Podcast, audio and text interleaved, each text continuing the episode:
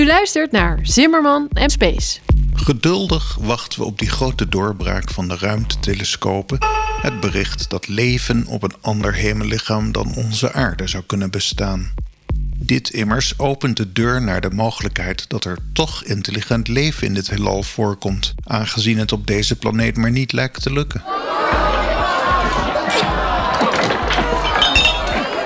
En hoe moeilijk kan die zoektocht zijn? Richt de James Webb ruimtetelescoop op alle hoopvolle kandidaat exoplaneten? Fotografeer hun dampkringen en kom maar op met het nieuws. Instructions are to prepare for an attack by an unknown enemy. Dat zouden we kunnen denken.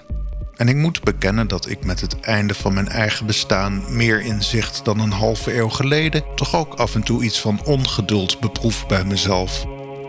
Maar zo gemakkelijk is het natuurlijk niet. Waarneemtijd met de James Webb ruimtetelescoop is kostbaar en heus niet onbeperkt beschikbaar voor de zoektocht naar leven op exoplaneten. Dus alhoewel de mogelijkheid in theorie bestaat dat we nu beschikken over de apparatuur om biosignaturen op andere planeten te detecteren, is het meer dan ooit zaak om onze tijd efficiënt te gebruiken. Met het oog daarop ontwikkelden astronoom Cassandra Hall en collega's een nieuw protocol om de zoektocht wellicht wat succesvoller te maken. Hun artikel hierover verscheen begin dit jaar in de pre-press met de titel A New Definition of Exoplanet Habitability Introducing the Photosynthetic Habitable Zone. De fotosynthese bewoonbare zone. De term bewoonbare zone, habitable zone, kende u misschien al. Dat is de afstand tot een ster waarop een exoplaneet zich bevindt, zodanig dicht bij die ster en zodanig ver er vanaf dat vloeibaar water een mogelijkheid is. Dat zegt dan niet dat er daar vloeibaar water is, maar in ieder geval dat als er water is, dat het geen ijs is en ook niet gelijk verdampt. Door deze eigenschap te combineren met de mogelijkheid tot fotosynthese, verkleinen we de set van exoplaneten die kandidaten zijn voor de zoektocht naar leven. Nu kan ik mij voorstellen dat u denkt: dan gaan we er dus vanuit dat leven op een andere planeet heel erg lijkt op dat op aarde, compleet met planten. Wie zegt bijvoorbeeld dat aliens prei en sla verbouwen? Of af en toe een appeltje eten? Dat is inderdaad een bekende tegenwerping van de theorie dat we bij de zoektocht naar buitenaards leven moeten zoeken naar leven dat overeenkomsten vertoont met dat op deze planeet. Maar dan komen we weer aan bij waar deze aflevering ook mee begon. We moeten naar iets zoeken en voorlopig is er nog geen enkel teken van leven gevonden op welke planeet dan ook. Natuurlijk zou het fascinerend zijn om levende wezens te ontdekken die ammoniak of cyanide gebruiken voor hun stofwisseling. Of kristallen die vreedzaam met elkaar coexisteren en toch ook intelligente gesprekken voeren. Maar met zo weinig houvast naar de biosignatuur van zulke exotische vormen van leven kunnen we voorlopig beter onze muntjes zetten op het zoeken naar leven dat op het onze lijkt. En fotosynthese is dan lang niet zo'n slechte gedachte. Cassandra Hall zegt hierover: Leven heeft energie nodig om uit balans te blijven met de omgeving. Voor bijna alle biomassa op aarde is fotosynthese de bron van deze energie. Wat was ook weer fotosynthese?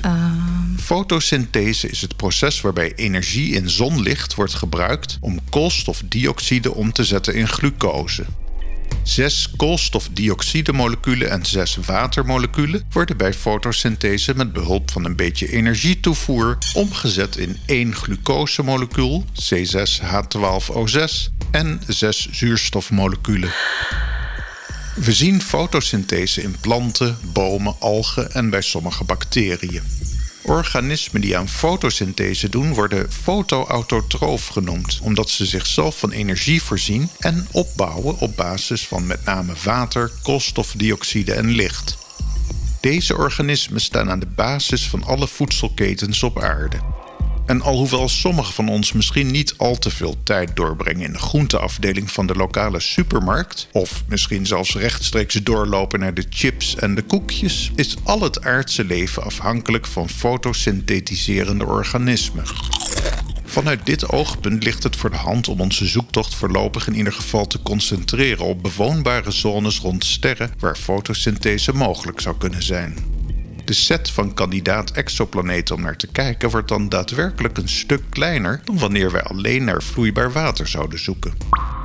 Wat bijvoorbeeld afvalt zijn de planeten die in getijdenresonantie met hun ster verkeren en altijd dezelfde zijde naar hun ster richten. Met name op de kortere afstanden tot een ster vinden we exoplaneten waar dit gebeurt.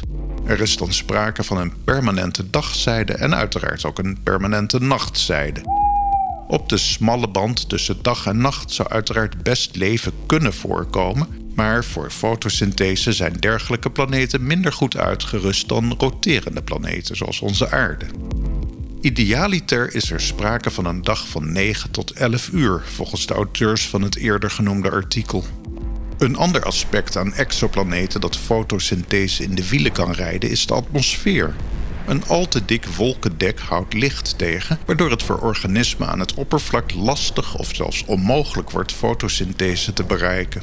In eerste instantie interessante exoplaneten, zoals bijvoorbeeld TRAPPIST 1e, vallen met deze nieuwe definitie af. In het geval van TRAPPIST 1e, omdat deze exoplaneet hoogstwaarschijnlijk in baanresonantie met de ster verkeert en dus een permanente dag- en nachtzijde kent. Sowieso valt een groot aantal exoplaneten rond zogenaamde rode dwergsterren af om precies dezelfde reden. Dergelijke exoplaneten zijn eenvoudiger om aan te tonen vanwege hun snelle omlooptijd, maar vallen dus buiten de fotosynthese bewoonbare zone. Maar blijven er dan wel exoplaneten over waar de wetenschappers die de James Webb ruimtetelescoop gebruiken op naar leven kunnen zoeken? Zeker wel. Een voorbeeld is Kepler 452b. Deze exoplaneet vinden we in het sterrenbeeld Zwaan op een afstand van 1402 lichtjaar van de aarde. Kepler 452b kennen we sinds 2015.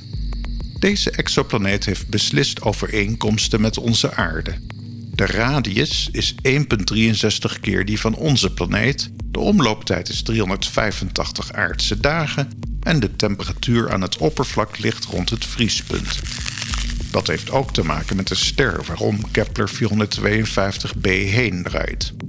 Die heeft een massa van 1,04 keer die van onze zon.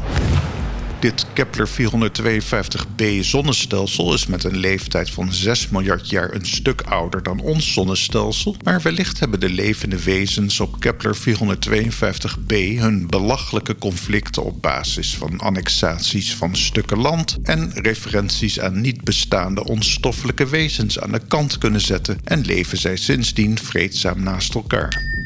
Kepler 452b is een mooie kandidaat exoplaneet om waarneemtijd met de James Webb ruimtetelescoop voor te reserveren. Dan kan gezocht worden naar biosignaturen. Specifiek zijn dat de zuurstofbanden in het elektromagnetisch spectrum, respectievelijk op 6,4 en 10 micrometer. Maar ook, zoals Carl Sagan dat ooit beschreef, Lange termijn incompatibele gassen die in een atmosfeer voorkomen, kunnen een veelbelovend teken van leven zijn. U kunt dan denken aan het coexisteren van stikstofgas, methaan, koolstofdioxide en waterdamp.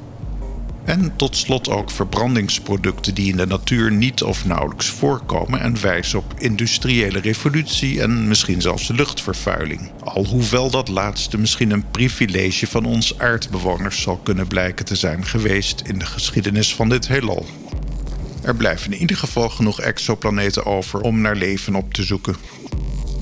Misschien nog een aardig laatste punt voor u om op te kouwen. Wat nou als er in uw leven nooit buitenaards leven wordt gevonden?